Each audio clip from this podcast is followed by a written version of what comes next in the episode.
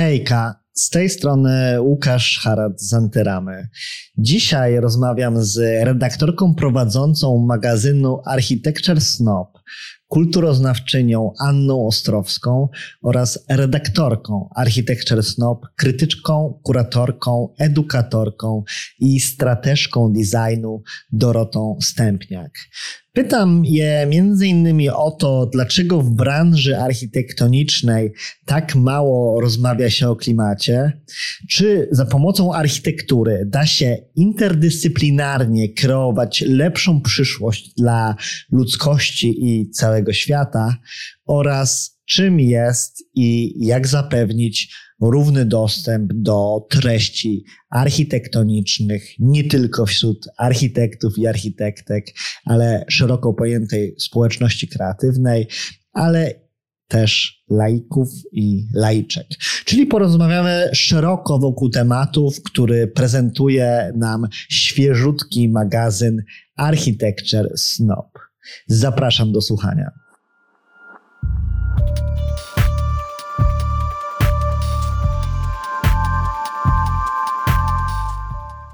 Słuchasz programu Miasto Ranek, czyli rozmów o miejskiej codzienności.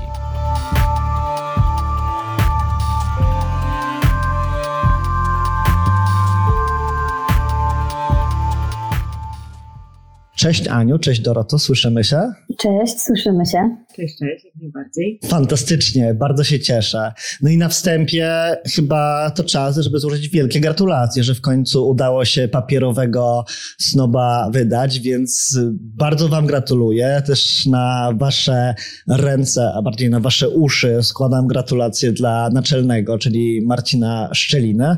A jeżeli nas słucha, no to, to, to mówię mu, że też, też, też bardzo gratuluję. Uważam, że kawał fantastycznej pracy. Także ja jestem bardzo zachwycony tym, czego doświadczyłem, czytając e, tego nowiutkiego snoba.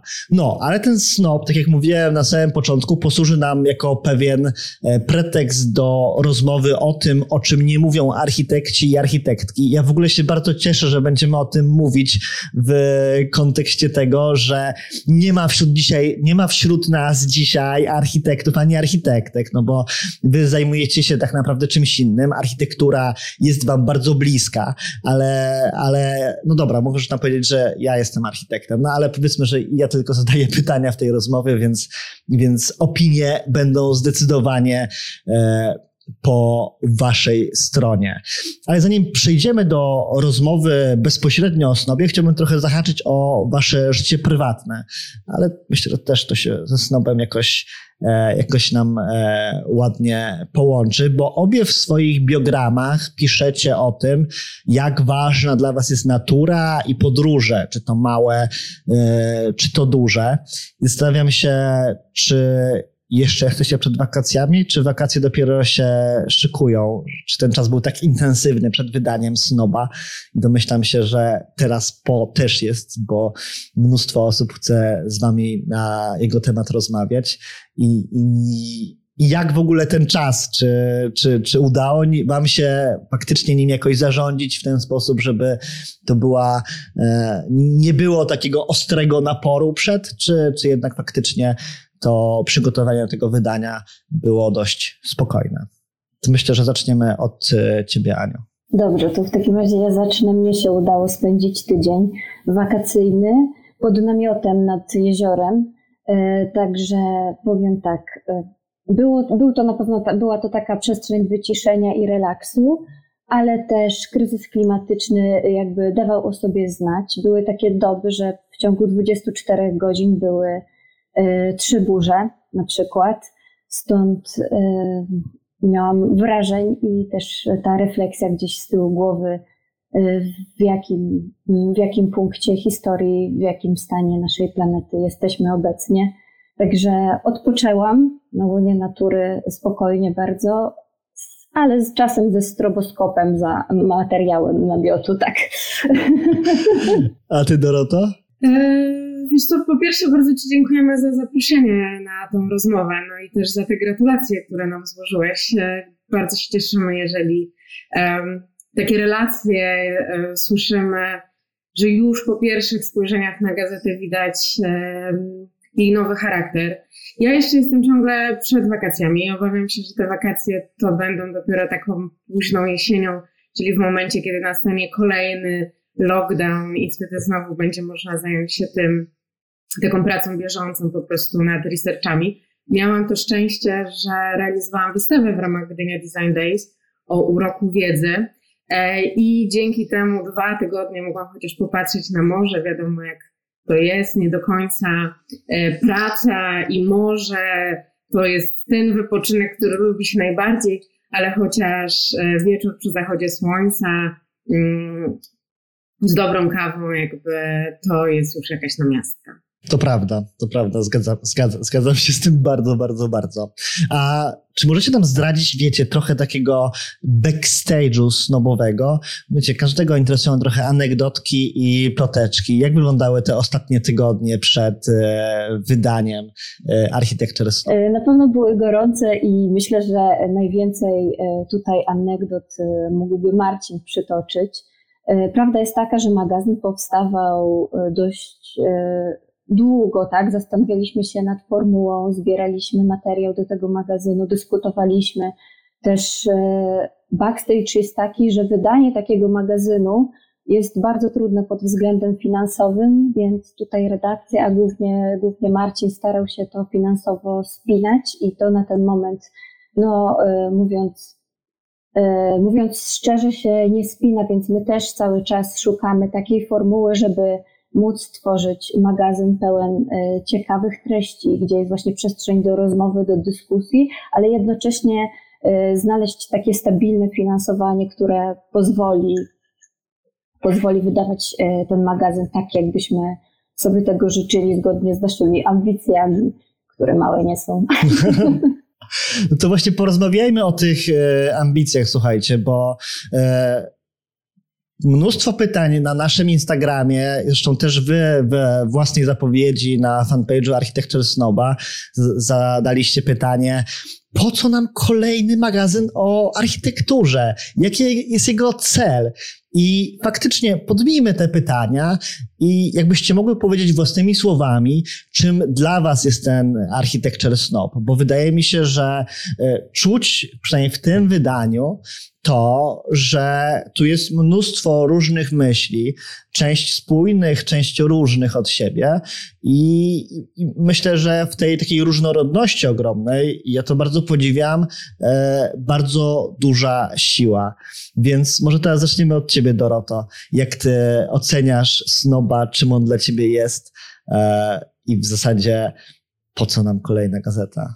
o architekturze? Myślę, że to, co jest ważne w Snobie, to jest przede wszystkim chęć budowania platformy do dyskusji. Tak jak słusznie tutaj zauważyłeś, e, chcemy spojrzeć na architekturę z bardzo różnych perspektyw i nie tworzyć jednej definicji, a cały czas dyskutować o tym, w jaki sposób kreować przyszłość architektury, czy ona ma znaczenie, jak można spowodować, by miała znaczenie.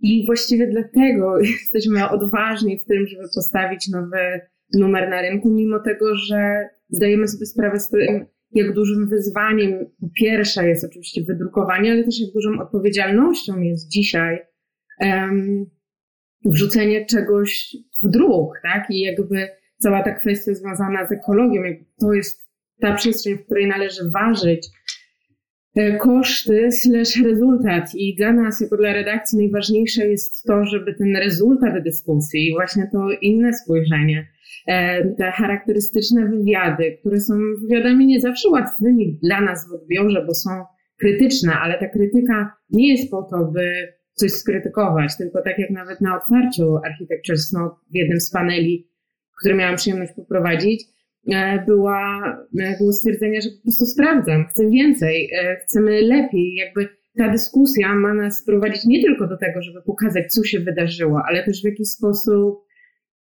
stymulować, żeby robić następne kroki i robić je znacznie szybciej, bo tak jak Ania słusznie zauważyła, tego czasu niestety mamy bardzo mało i właściwie naocznie widzimy, jak sytuacja naszej planety się zmienia, a nie oszukujmy się, że architektura E, wybetonowane przestrzenie, zwiększająca się temperatura miast, to wszystko ma gigantyczny wpływ na naszą przyszłość. Ale to ja też pociągnę teraz ten temat dalej. Czy to ma być e, magazyn, który pokazuje pewien pejzaż tego, w jakiej rzeczywistości żyjemy i żyć możemy, oczywiście w jej pozytywnych i negatywnych skutkach w zależności od naszych działań, czy ma on mieć e, założenia takie, bym powiedział, interwencyjne i akcyjne, że jednak coś chcecie e, nim zmienić? Na pewno both.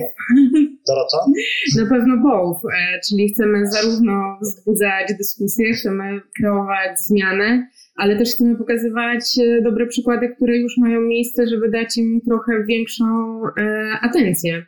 I to jest dla nas tak naprawdę najważniejsze. Myślę, że tutaj też jest ważne to, żeśmy powiedzieli sobie, bo też o tym powiedziałaś Doroto przed chwilką, że w snobie przewijają się różne definicje architektury. I to, że widzimy się dzisiaj w takim składzie, to sprawia, że ja bym bardzo chciał zapytać każdą z Was o to, jak Wy definiujecie architekturę, bo myślę, że to może być w ogóle ciekawe nakreślenie naszej dalszej części rozmowy. Tak jak powiedziałeś, każdy ma swoją e, definicję e, architektury. Ja z tego względu, że jestem kulturoznawczynią, e, mam trochę szerszą definicję.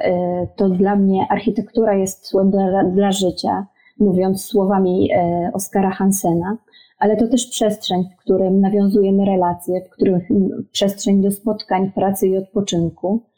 E, I ważne są dla mnie jakby redefiniowanie i wracanie i przypominanie wciąż e, pewnych może oczywistych pojęć, które e, tak naprawdę nie są oczywiste, a o te oczywistości czasem warto się pokłócić albo o nich podyskutować. I mówiąc o takim podstawowym pojęciu, na przykład jak dom czy jak architektura, to y, podstawową funkcją y, tej przestrzeni zbudowanej to jest schronienie. Y, o czym mówi Joseph, Joseph w wywiadzie, który przeprowadził na łamach magazynu Stąd Marcin Szczelina.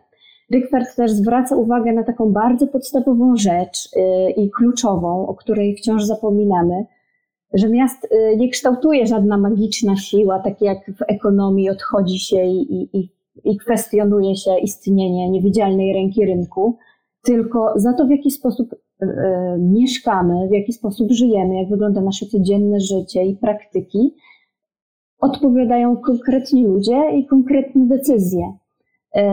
I chodzi o to, żeby też do tej, o tej architekturze nie, mówiąc, nie mówić tylko jako o jakimś monumencie, y, produkcie, y, ale też właśnie o jakiejś takiej żywej przestrzeni, którą współtworzą architekci, którą my wszyscy zamieszkujemy i którą także kształtuje sposób, y, w jaki społeczeństwo, czy te wartości, które wyznajemy, czy, czy godzimy się na nie w społeczeństwie, odbijają się na tym, jak wygląda architektura, czy ona jest dostępna, czy nie o tych wartościach w architekturze też e, warto dyskutować. Także ja mam naprawdę taką e, szeroką definicję i też naszym, myślę, redakcyjnym zadaniem, mogę się tak wypowiedzieć teraz kolektywnie, jest to, żeby mówić i pisać o architekturze bardzo zrozumiałym, prostym językiem, żeby poszerzać pole dyskusji, żeby włączać architek- włączać wszystkich tak naprawdę do dyskusji o architekturze, nie tylko architektów, chociaż oni są bardzo ważni i kluczowi, ale ja mam też taką wielką świadomość, yy, znaczy wielką świadomość,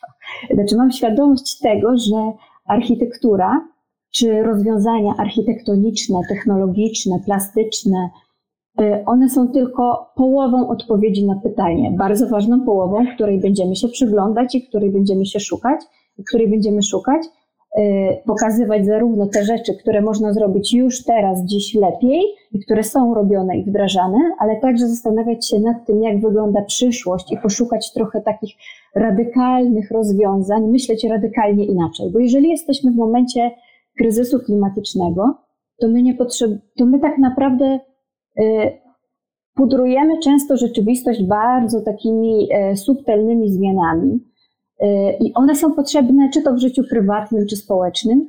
Natomiast my potrzebujemy myśleć, działać i budować radykalnie inaczej. Może radykalnie mniej, ale nie tak, żeby zabrakło tej infrastruktury dla, dla wszystkich. Tak więc to są takie jakby duże pytania, które są powiem szczerze, przerażające. I ja, ale jednocześnie są ogromnym wyzwaniem i właśnie od tego to jest nasza perspektywa, żeby postrzegać je jako wyzwanie i szukać na nie odpowiedzi, rozmawiać z ludźmi, którzy poświęcają dużo miejsca w swojej praktyce zawodowej mm, na szukanie tych odpowiedzi i próbować zastanawiać się, na ile one mogą zostać wdrożone, na ile nam e, rozwiązują problem.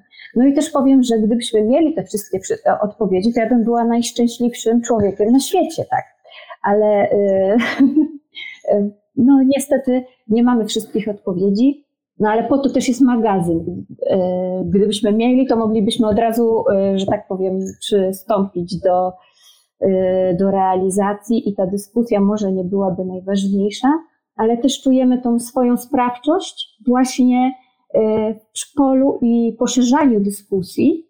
Mm, ja też jestem kulturoznawczynią, więc ja nie będę jakby mówić architektom, jak oni mają budować, bo to nie jest moja rola, tak? Gdzieś właśnie mm, no myślę, że tak. No, ta, ta, ta, definicja jest szeroka i chyba na tym zakończę, bo, bo można jeszcze mówić, mówić i mówić i te wątki gdzieś tu pęcznieją oczywiście. Oczywiście, że tak. To jest, to, Ale to musi sposób ich zebrać. Tak. Mówię, e, jeżeli piszemy o czymś, to prawda jest też taka, że mamy trochę więcej przestrzeni na to, żeby tą myśl uporządkować, a mówiąc czasem po prostu łapiemy się, ślizgamy się trochę po powierzchni, no ale to też jest e, e, taka charakterystyka tego medium. Inaczej się mówi, inaczej się pisze i dlatego też magazyn jest taką przestrzenią wyciszenia. Wersja papierowa jest także po to, żebyśmy mogli, one, po pierwsze, to też jest magazyn przede wszystkim do czytania, nie tylko do oglądania. I wersja papierowa też jest po to, żeby można było wziąć do ręki magazyn i bez tych wszystkich reklam, linków, powiadomień z Facebooka, Instagrama i tak dalej, móc po prostu spotkać się z kimś i właśnie posłuchać, co ma do powiedzenia, czy to w wywiadzie, czy to, yy, czy to w innym tekście krytycznym. To jest fantastyczne, że to mówisz, bo to jest y, bardzo y, ciekawa i też budująca dla mnie forma prowadzenia narracji, dlaczego wydaje się dany magazyn. Ale co do tego, o czym jeszcze tak naprawdę mówiłaś, czyli tego kryzysu klimatycznego i przerażających pytań, ja się zgadzam, że to są faktycznie ogromnie przerażające, ale chyba bardzo ważne jest to, żeby ten strach nas e, nie paraliżował, tylko właśnie zachęcał do dyskusji, rozmowy, a co za tym idzie, e, w końcu jakichś działań e, mocnych, zdecydowanych w tym temacie. Pojawiły się, słuchajcie, parę stwierdzeń na YouTubie naszym odnośnie też tego, o czym, jak ty mówiłaś, e, Aniu, odnośnie tego, że próbujecie budować narrację związaną z tym, żeby to pismo było maksymalnie szerokie, a tymczasem mamy takie komentarze tutaj kontrujące, że architektura jest niszowa, że wydaje nam się, że o architekturze to za bardzo ludziom się nie chce czytać.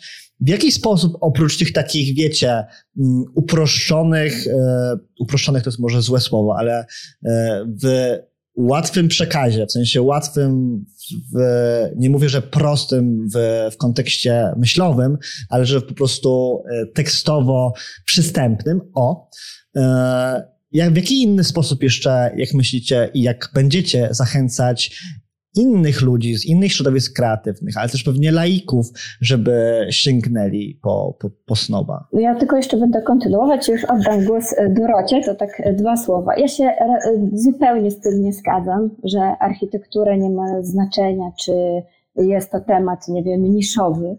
Jeżeli popatrzymy na to, jeszcze raz przypomnę tą statystykę, że Sektor budownictwa odpowiada za jedną trzecią emisji gazów cieplarnianych. Jeżeli popatrzymy na badania, które mówią, że spędzamy 70-80% czasu we wnętrzach, czyli wewnątrz budynków, y, to w jaki sposób wygląda nasza codzienność, tak jak, to jak są kształtowane miasta, to jaką temperaturę mamy, czy smażymy się na chodniku, czy mamy szpaler drzew, który chłodzi nam yy, tą część ulicy, czy, czy chodnika, czy drogi, tak? Y, to jest po prostu niezwykle ważne i tak nam bliskie, tak nam codzienne. Tylko, że czasami ta codzienność jest przezroczysta i właśnie zbyt oczywista. I trochę chodzi o to, żeby się zacząć o te oczywistości kłócić, tak? O to, w jaki sposób ta architektura ma być kształtowana, to środowisko, które my zamieszkujemy. E, także dobrze, ja się z tym nie zgodzę, to, to tutaj tu wyartykułowałam. Druga część odpowiedzi na pytanie, e, co robimy, żeby poszerzać pole dyskusji, to na przykład e, to, że staramy się poruszać temat, także chociażby jest tekst Anny Domin o zrównoważonej modzie, mówimy o designie, mówimy o architekturze, mówimy o projektowaniu miast, czyli o różnych skalach projektowania przestrzeni.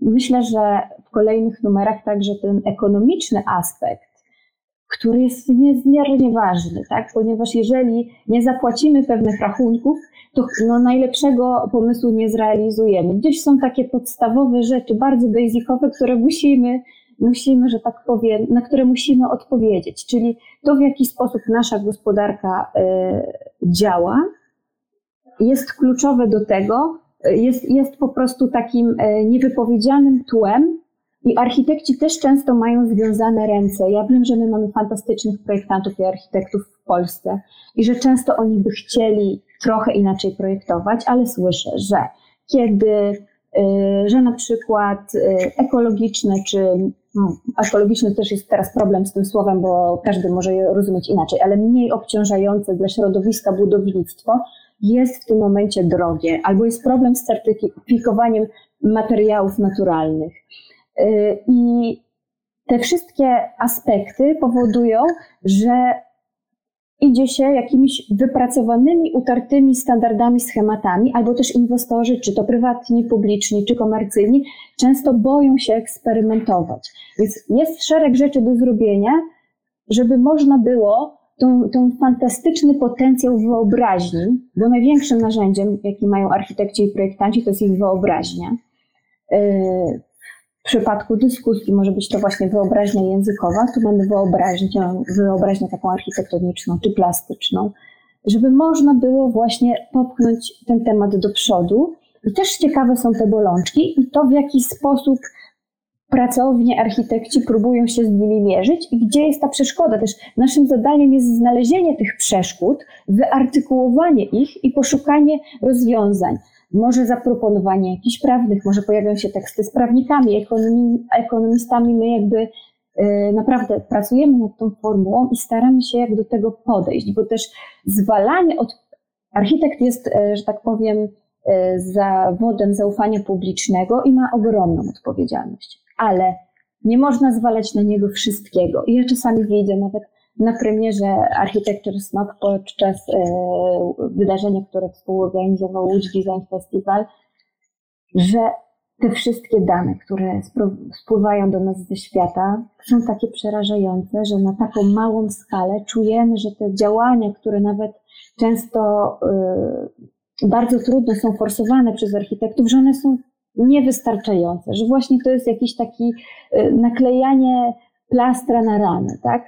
No ale gdzieś, gdzieś ważny jest na początku ten plaster, a dalej, no dobrze, szukajmy sposobów, jak tą ranę możemy zagoić i myślę, że to też jest wyzwanie etyczne, y, ponieważ odpuszczenie tego zupełnie mm, no ja po prostu sobie nie wyobrażam, że możemy nie zastanawiać się, jak zmienić nasze społeczeństwo, architekturę i, i w ogóle przestrzeń i dopuścić do tego, żeby y, było coraz gorzej y, i żeby coraz więcej osób cierpiało każdej szerokości geograficznej. I tu postawmy wielokropek i zaraz wrócimy e, do, do klimatu, bo wydaje mi się, że faktycznie to jest temat, który bardzo mocno się przewija w tym snobie i mam o to parę pytań, ale wróćmy do e, Twojej definicji architektury, Doroto, bo myślę, że to też będzie niezwykle ciekawe i jestem też ciekaw, jakie tutaj e, różnice między Wami wystąpią, prawda? Bo na pewno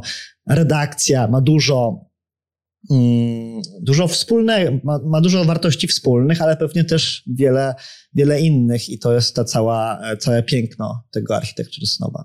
Co to ja tutaj chyba dość krótko powiem, że dla mnie architektura to jest każda interwencja w przestrzeń i jakby tą przestrzeń możemy sobie w bardzo różny sposób wyobrazić, ale musimy sobie zdać sprawę z tego, że na architekturę należy patrzeć jak na interwencję w przestrzeń. I teraz to, jak budujemy architekturę, wpływa na nasze relacje. I to jest też ta przestrzeń, o której wspomniałeś, odnosząc się do komentarzy, które mamy mm, pod naszym nagraniem, że uświadamiając sobie, że wspólnie ją tworzymy i że, że um, architektura buduje nam sposób komunikacji, sposób poruszania się, nasz komfort, bezpieczeństwo, ale też coraz częściej, na szczęście, zaprasza i faunę, i florę do miast. Jakby um, przeciera tą jasną granicę między cywilizacją a naturą i stara się odwrócić ten dyskurs, który do tej pory był prowadzony i kwestionuje status quo. I to jest jakby najważniejsze. I wydaje mi się, że to jest jakby naszym głównym celem, tak jak Ania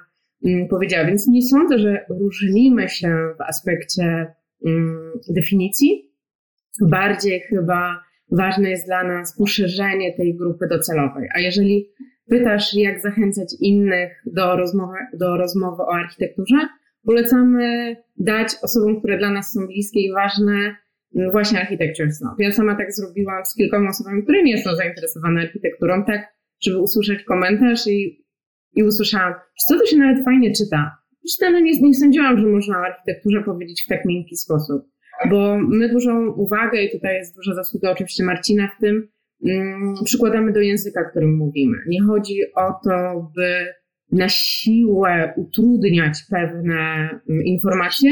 Chodzi o to, żeby właśnie przybliżyć je i pokazać, jak duże znaczenie ma to w naszym codziennym życiu. Ale to, jak już też wspominałem, że to, to bardzo w snobie czuć. To słuchajcie, może powinna powiedzieć jakaś akcja, że w różnych miastach w Polsce jest parę schowanych, rozłożonych w różnych miejscach e, architecture snobów i właśnie dzięki temu znajdziemy je przypadkowo, poczytamy, odłożymy.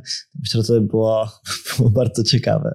Ale wróćmy do tych spraw klimatycznych, bo zastanawiam się, wiecie, zaraz tutaj, e, nie wiem, czy rozpęta się jakiś hałas z tym związany, czy nie, e, ale tak może być, że będzie znowu rozmawiają o klimacie, znowu klimat.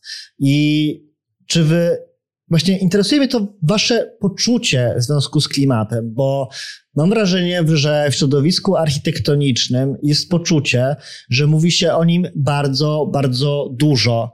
E, I jak ja sobie myślałem, przygotowując się do rozmowy, też tak myślałem, że tak myślałem, że w sumie dla mnie nie mówi się aż tak dużo. Potem pomyślałem, że wcale też mało się nie mówi, a na końcu doszedłem do stwierdzenia, że naprawdę mało się robi e, w tym temacie, a mówi się, mówi się trochę.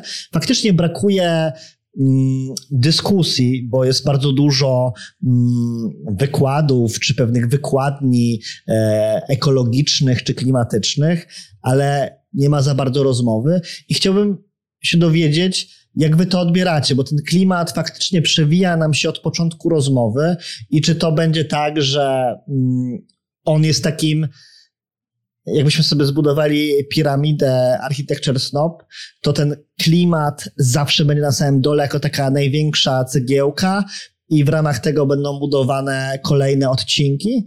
Czy myślicie o tym w zupełnie inny sposób? Myślę, że ten temat zrównoważonego rozwoju, chociaż tutaj też możemy y, się zastanawiać, czym jest ten zrównoważony, zrównoważony rozwój i na jaki rozwój w ogóle możemy sobie pozwolić w tym momencie.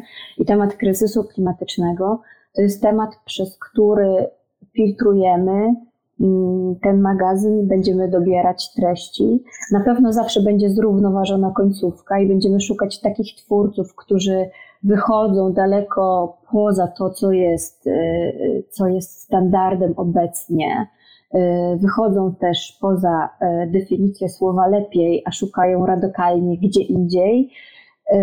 Nie zawsze muszą być to nowe pomysły, czasem to mo można szukać rozwiązań, które bazują na bardzo znanych materiałach i starych technologiach, tylko interpretować i adaptować je na nowo. W tym e, numerze Architecture Snob jest rozmowa z amerykańskim architektem Joachimem Michelem, który jest wizjonerem, tworzy e, farmę świerszczy, e, tworzy fasady dla motyli, które mogą być powiem tak prosto doklejane do budynków i w ogóle myśli o tym, w jaki o architekturze i o przestrzeni jako o ekosystemie. Współpracuje też z taką grupą Tree Nation i zastanawia się, jak na wiel, rusztowaniach wielokrotnego użytku, które y, są y, dobrze powiem jeszcze raz, jak na y, rusztowaniach wielokrotnego użytku budować domy, ale nie budować, właśnie tutaj brakuje słowa, jak hodować czy uprawiać domy z roślin drzewiastych, także tu mamy takie futurologiczne pomysły. On też jako jeden e, z pierwszych projektantów zastanawiał się nad użyciem grzybni. W Polsce jest to na przykład projekt Izy Rutkowskiej, która pracuje nad e, opakowaniami e, z grzybni, żeby to była właśnie alternatywa dla tego nieszczęsnego plastiku, którego mamy wszędzie. Całe morze i oceany. Tak mamy pacyficzną wyspę plastiku, ale w tej naszej codzienności ten plastik dominuje.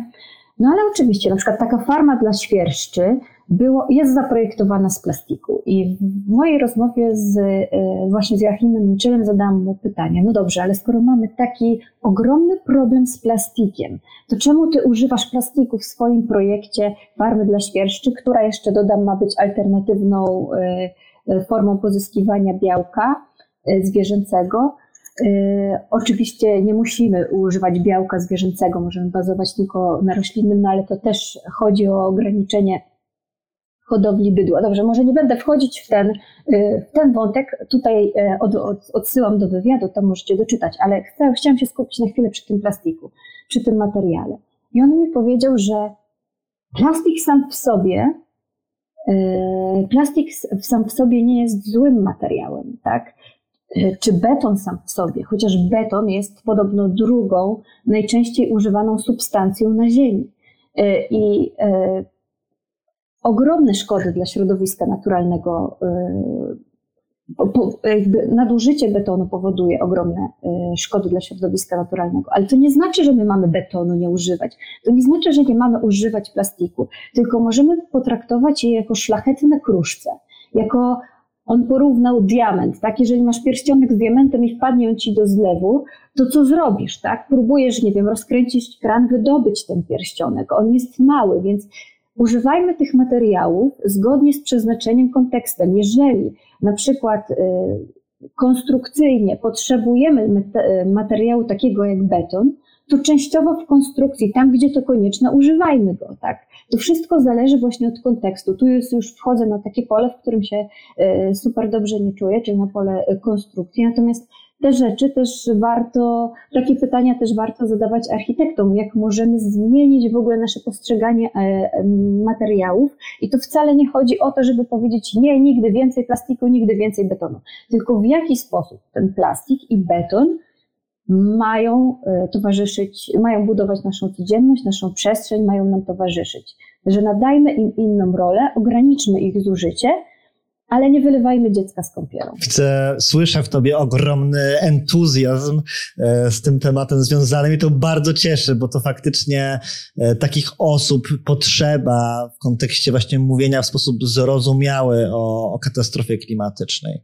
Wspomniałaś też o tym, o tej odpowiedzialności architektów i architektek za klimat i że ona jest dość niejasna i w sumie szukamy tej odpowiedzialności, jaka ona powinna być. Rozumiem, że pewnie też nie macie na to złotej recepty, ale też macie w związku z tym jakieś przemyślenia, co architekci i architektki dla klimatu mogą robić. To jeszcze wrócę do Twojego poprzedniego pytania, jeżeli pozwolisz.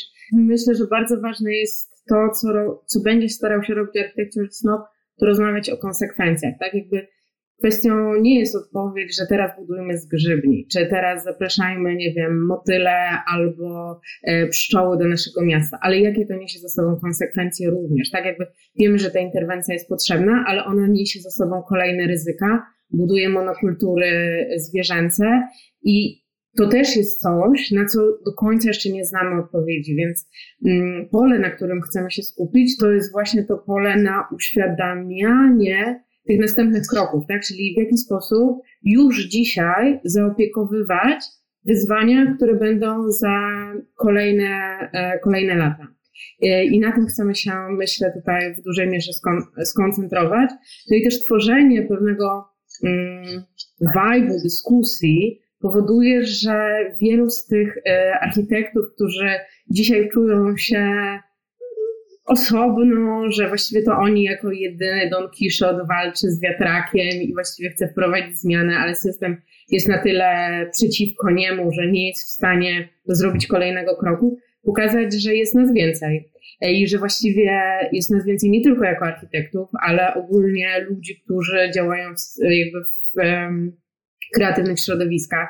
Jest coraz więcej odbiorców, którym na tym zależy i budując taki, takie koło zamachowe zmiany, poprzez właśnie dyskusję e, i ustalanie priorytetów na tej ścieżce, e, mamy możliwość wprowadzania e, realnej zmiany, bo wszystko zaczyna się od języka i zaczyna się właśnie od dyskusji. Natomiast ważne jest, żeby ta dyskusja zawsze kończyła się wyznaczaniem sobie trzech, czterech kroków, które pozwalają nam, tak jak Ania wspomniała, filtrować pewne, pewne rozwiązania. No i na pewno klimat jest tym jednym z elementów, który dla nas e, jest ważny. Zastanawiam się, wiecie, bo to wszystko, o czym mówicie i faktycznie u ciebie, Doroto, ja też widzę ten entuzjazm i widzę tą po prostu taką chęć działania. Czy to trochę nie jest tak, ja się, ja się tego obawiam i może to, to jest takie pytanie, które, no, którym podniesiecie mnie na duchu w odpowiedzi, że środowisko architektoniczne, jest na tyle obecnie niespójne i nie potrafiące się dogadać, że bardzo trudno wytworzyć jakąś jakiś wspólny front za czymś, e, że nie wiem, miałby powstać jakiś lobbying architektoniczny, lobbying klimatyczny, no bo jakby na tym to się opiera, że te zmiany chyba na końcu powinny być widoczne w naszym podejściu, ale też w prawie, które jakby te, jest dostosowane do tak naprawdę przeciwdziałania katastrofie klimatycznej. I oczywiście to jest super, co podkreśliłaś Doroto, że pokazuje, że architekci i architekt, architektki nie są sami, tylko inne branże też się tym, tym wspierają. Tylko wydaje mi się, że do tego potrzebne jest faktycznie jakieś jedno środowisko architektoniczne, żeby ona mogła wyjść do innych branż, a tymczasem architekci i architektki nie potrafią się zgodzić, y, czy kobieta pracująca w zawodzie e, związanym z architekturą może być nazywana architektką. I jeżeli mamy taki problem na poziomie językowym, naprawdę najprostszy, to bardzo ciężko wyobrazić mi sobie jakimś, jakikolwiek wspólny front, jakiekolwiek wspólne działania. E, jak wy to odbieracie? Czy ja bym rozdzieliła te dwie dyskusje, tak? Są dyskusje, które jakby możemy prowadzić, bo mamy na nie czas i są te, na które po prostu jakby musimy działać zgodnie, by wprowadzać zmiany. Mówisz o walce z kryzysem klimatycznym. My już nie walczymy z kryzysem klimatycznym, my musimy się do niego dostosować, ponieważ on jest naszą obecnością. I teraz to, co e, Rickford e, wspomniał w wywiadzie cytowanym też przez e, Anię, czyli że dom jest schronieniem, może na ten dom trzeba spojrzeć w zupełnie inny sposób, bo lawiny błotne, pożary i wszystkie katastrofy to już nie jest dom, który nas chroni przed złodziejem, to nie jest dom, w którym my czujemy się bezpiecznie, bo mamy ciepło, tylko to jest dom, w którym powinniśmy czuć się bezpiecznie w momencie, kiedy nagle po prostu spada taka ilość wody z nieba, jaka spadała przez tydzień albo miesiąc. E, więc e, to są mm, pola, w których e, wydaje mi się, że nie jest jakby nie ma różnego dyskursu. Wszyscy chcemy działać ku tej zmianie i rzeczywiście chcemy budować lepsze rozwiązania. I to jest gigantyczne pole, do tego, żeby wykazywać się mm, kreatywnością. I e, oczywiście jest pełno miejsc, które można jeszcze zabudować, natomiast nie zapominajmy o tym, że e, to wszystko jest slash, bardzo duża ilość pustostanów, które nas otaczają, ponieważ dom traktujemy jako inwestycję. Natomiast y, pewnym kosztem jest to, że ktoś w nim mieszka, więc lepiej, żeby on stał po prostu pusty i być może za jakiś czas będziemy mogli go sprzedać z profitem. Jakby koniec jest tego typu myślenia i e, kończący się piasek, utrudnienia w budownictwie, zmiany dotyczące naszego bezpieczeństwa w transporcie, jakby to wszystko łączy się w, jedę, w jedną rozmowę. I jakkolwiek możemy sobie rozmawiać o feminitywach, możemy rozmawiać sobie o tym, jak wyglądają, nie wiem, wydarzenia poświęcone architekturze, czy też designowi, czy też w ogóle środowisku kreatywnemu.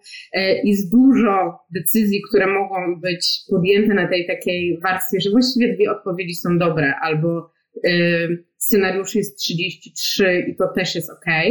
Natomiast są te główne cele, do których wspólnie dążymy. I ja po, licznych rozmowach, i to nie tylko w środowisku jakby związanym z architekturą, bo e, jakby moją domeną jest przede wszystkim design e, i środowiska jakby ogólnie związane z myślą kreatywną, jest bardzo duża potrzeba działania. Natomiast problem, z jakim się spotykamy, to jest to, że każdy czuje, że działa sam. E, I Architecture Snob jest tą platformą, jedną z wielu, ale też podbijającą te platformy, które towarzyszą nam myślą, bo to też wa warto wspomnieć, że w Architecture Snob jednym z drugich wywiadów e, jest wywiad z Ewą Poremską wspomnianą przed, przez ciebie, czyli reprezentantem innego magazynu, redaktorką naczelną innego magazynu, więc jakby możemy się konsolidować i zmieniać narrację w aspekcie wyższych celów i pokazywać sobie, że okej, okay, mówimy innymi językami, mamy różne wartości, jesteśmy różnymi osobami, mamy różne temperamenty, natomiast już nie, nie możemy patrzeć optymistycznie na przyszłość, musimy wejść w przestrzeń interwencji, a żeby zrobić interwencję, musimy działać razem przy tych trzech, czterech najważniejszych celach. To w takim razie jak uważacie, w którym momencie my jesteśmy? Jesteśmy na początku jakiejś drogi, czy w środku?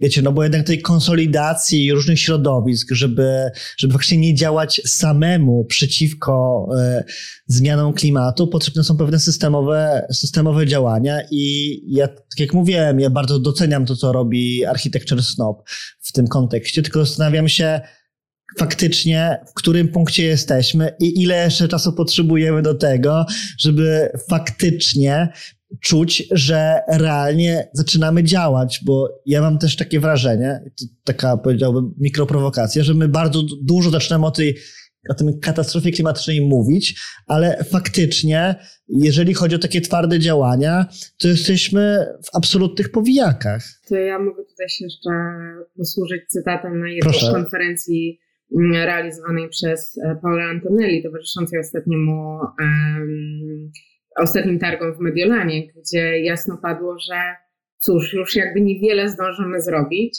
ale może zostawmy po sobie dobre wrażenie. Yy, że się chociaż staraliśmy odwrócić to koło, które yy, jakby sami na siebie ukręciliśmy, tak? Ten bat, który na siebie ukręciliśmy. I ja myślę, że to jest może brzmi mało optymistycznie, aczkolwiek buduje nam takie poczucie, że może rzeczywiście jesteśmy w stanie chociaż zostawić po sobie to, tak, to, to, tą taką chęć zmiany i tą świadomość odwrócenia tego, co, co nabroiliśmy my jako ludzkość, bo niekoniecznie my jako pokolenie, tak? bo to też jest jakby ta, ta kwestia, że mm, mamy jeszcze problem z rozmową pokoleniową, gdzie właściwie ktoś przyjmuje konsekwencje działań innych i my właśnie w tym aspekcie musimy na siebie patrzeć. To wiesz, te, te słowa zawsze są przerażające, nie? Jak mówisz, że mam po sobie pozostawić dobre wrażenie i zastanawiam się faktycznie, jak to wpływa na ludzi w kontekście tego, że jedni po prostu pewnie będą chcieć działać i pozostawić dobre wrażenie, a inni po prostu załamią ręce i będą mieć to w nosie, bo stwierdzą, że no, i tak się nie uda. E, i tak się niestety nie uda. Ja trochę się muszę teraz, Dorota, z Tobą nie zgodzić, ponieważ e, prawda, jest, jesteśmy w trudnym, kryzysowym momencie. E, żyjemy też w takim punkcie tego, że czujemy, że jeżeli czegoś nie zmienimy, to będzie bardzo, bardzo, bardzo źle. Tak? I że te wszystkie stare przyzwyczajenia i schematy, w których tkwimy, nie są dla nas dobre. Ale ja jakby nie umiem sobie pozwolić na takie myślenie, że my pracujemy na zostawienie dobrego wrażenia. To jest dla mnie po prostu tak pesymistyczne i tak okropne, że y, nie mieści mi się to w głowie. Ja mam wrażenie, że może my nie jesteśmy w stanie uratować wszystkich, tak? Ale jesteśmy w stanie uratować, jakby walczmy o każde istnienie, o każde życie, o każdy gatunek, o to, żeby y, Wiemy, że jak nie będzie się dało mieszkać na południu, to będą ogromne migracje, ale my mamy wpływ na to, czy te zmiany będą bardzo szybko postępowały, czy wolniej. Ile tych osób, czy to będą setki milionów, czy y, kilkadziesiąt milionów, tak? Czy będziemy się w stanie tym, tymi osobami, które będą migrowały z terenów, które my eksploatujemy, my jako często bogata północ, czy będziemy się w stanie nimi zaopiekować, czy będziemy mieli się czym dzielić podstawowymi zasobami, wodą, miejscem, przestrzenią do życia. Tak jakby my mamy cały czas wpływ na tą skalę. Mówi się, że zostało nam 10 lat. Z drugiej strony, przepraszam, że wejdę Ci w słowo, kryzys mhm. pandemii pokazał nam właśnie, jak opiekujemy się tymi e, krajami i w jaki sposób bogata północ odpowiada na to, co się dzieje na południowych kontynentach. E, cały czas oczywiście, tutaj się z Tobą zgodzę, tak? Tylko, że mm, e, tylko, że wydaje mi się, że te działania mogą mieć realny wpływ cały czas. E, I może one nie są rozwiązaniem genialnym, który nam po prostu zlikwiduje wszystkie problemy, natomiast krok po kroku możemy minimalizować straty. I jeżeli właśnie uważamy, że ludzkie życie, czy nasz ekosystem, czy bioróżnorodność jest wartością, to zróbmy tyle, żeby ocalić tego jak najwięcej. Jakby to jest moja perspektywa, a dobre, nie, nie chcę się pracować na dobre wrażenie. Szczerze mam gdzieś dobre wrażenie. Ja nie chcę zostawić po sobie potopu. Y, jakby po nas tylko potop, business as usual, używajmy tego, co mamy. W sensie wiem, że jest takie podejście dominujące. Zdaję też sobie sprawę, że rozmawiamy w jakiejś bańce osób, którym zależy i nie wszyscy mają to samo podejście, tak? I że też y, inne informacje, innymi informacjami, y, nawet jak teraz rozmawiamy, to ja używam pewnych słów, wy tak samo i macie jakiś obraz tego, o czym mówicie. Nie zawsze on jest wspólny, gdzieś się rozumiemy, ale y, i tak jesteśmy tak blisko siebie, że nie kłócimy się o podstawowe rzeczy, na przykład to, czy jesteśmy w trakcie kryzysu klimatycznego, czy nie. Jakby tu już nie ma pola do dyskusji, my o tym dobrze wiemy, ale otworzy się drzwi, wyjdzie się na, na ulicę i czasem trzeba po prostu y, wracać do takich prymarnych spraw, tak? Więc oczywiście te problemy mogą w nas zasypać, spowodować depresję i w ogóle pierwsza moja reakcja też na Y, to, w jakim momencie y, żyje, to była taka depresja klimatyczna. Nic się nie da zrobić, ale podobno y, jest też duże lobby, które te wszystkie negatywne emocje podbija, bo jeżeli nie da się nic zrobić, to trwajmy przy tym. Jest i nie obwiniajmy siebie, tak? I nie chodzi tutaj o wskazywanie poczucia winy konkretnie, że ty architekt zrobiłeś to źle, ty Ania to coś tam, ty Dorota, ty, ty Łukasz, tak? tylko właśnie szukanie jakichś systemowych rozwiązań, ale bazowanie na doświadczeniach i na wizjach ludzi, na naszej wyobraźni, którą musimy jakby zmusić do tego, żeby wyjść poza tu i teraz, poza bieżącą codzienność, poza nasze rachunki i to naprawdę jakby to mi się wydaje kluczowe. Bez tego nie mam e, motoru do działania, bo mam gdzieś dobre wrażenie. Słuchajcie, to co się właśnie teraz tu wydarzyło, dla mnie jest kwintesencją architecture snob, czyli właśnie ta przestrzeń dyskusji, różnych spojrzeń i to dla mnie jest fantastyczne, bo jest to może nawet nie walka, bym powiedział, bo ja nie lubię takich, takich sformułowań, ale pewne pokazanie spektrum różnych argumentów. Dla mnie to jest po prostu absolutnie fantastyczne i niesamowite i faktycznie to samo czuć, jak czyta się tą wersję papierową, że jest taka mnogość mnogość e, różnych e, poglądów, e, które faktycznie, tak jak powiedziałaś Ania, nie rywalizują ze sobą w kontekście tego, czy jest katastrofa klimatyczna, czy jej nie ma, tylko pokazują różne drogi podejścia do niej, nie ma półśrodków, e, są trudne pytania. Ja naprawdę bardzo polecam. No i właśnie zmierzamy do końca powolutku i chciałem Was o to zapytać, jako takie trochę podsumowanie tej rozmowy. Jakbyście miały zachęcić e, potencjalnie, może to będzie chyba lepsze zdanie, taki eksperyment, osobę niezwiązaną z branżą architektoniczną, żeby sięgnęła po architekturę snoba. Jeżeli oczywiście ta rozmowa jej jeszcze do tego nie przekonała, bo ja bym po tej rozmowie po prostu urwał wszystkie, te, ten całe pięć tysięcy nakładów sobie zabrał i po prostu rozdawał ludziom na ulicach. E, ale w jaki sposób byście, byście zachęciły do tego, żeby, żeby taki laik bądź laiczka e, sięgnęła po posnoba właśnie. Dobrze, ja też tak myślę, że ta rozmowa, jeszcze tylko nawiązując e, dwa słowa do tej rozmowy pomiędzy nami z Dorotą. Ja wiem, że my się zgadzamy na podstawowym poziomie, ale gdzieś cały czas e, jakby szukamy i te różnice też e, występują, natomiast ten podstawowy poziom jest wspólny. Tak, i to jest dla mnie absolutnie fantastyczne. Nie? Jakby ja, to, ja to w pełni rozumiem. No dobrze, no to teraz drugie Twoje pytanie. Dlaczego warto tutaj zajrzeć?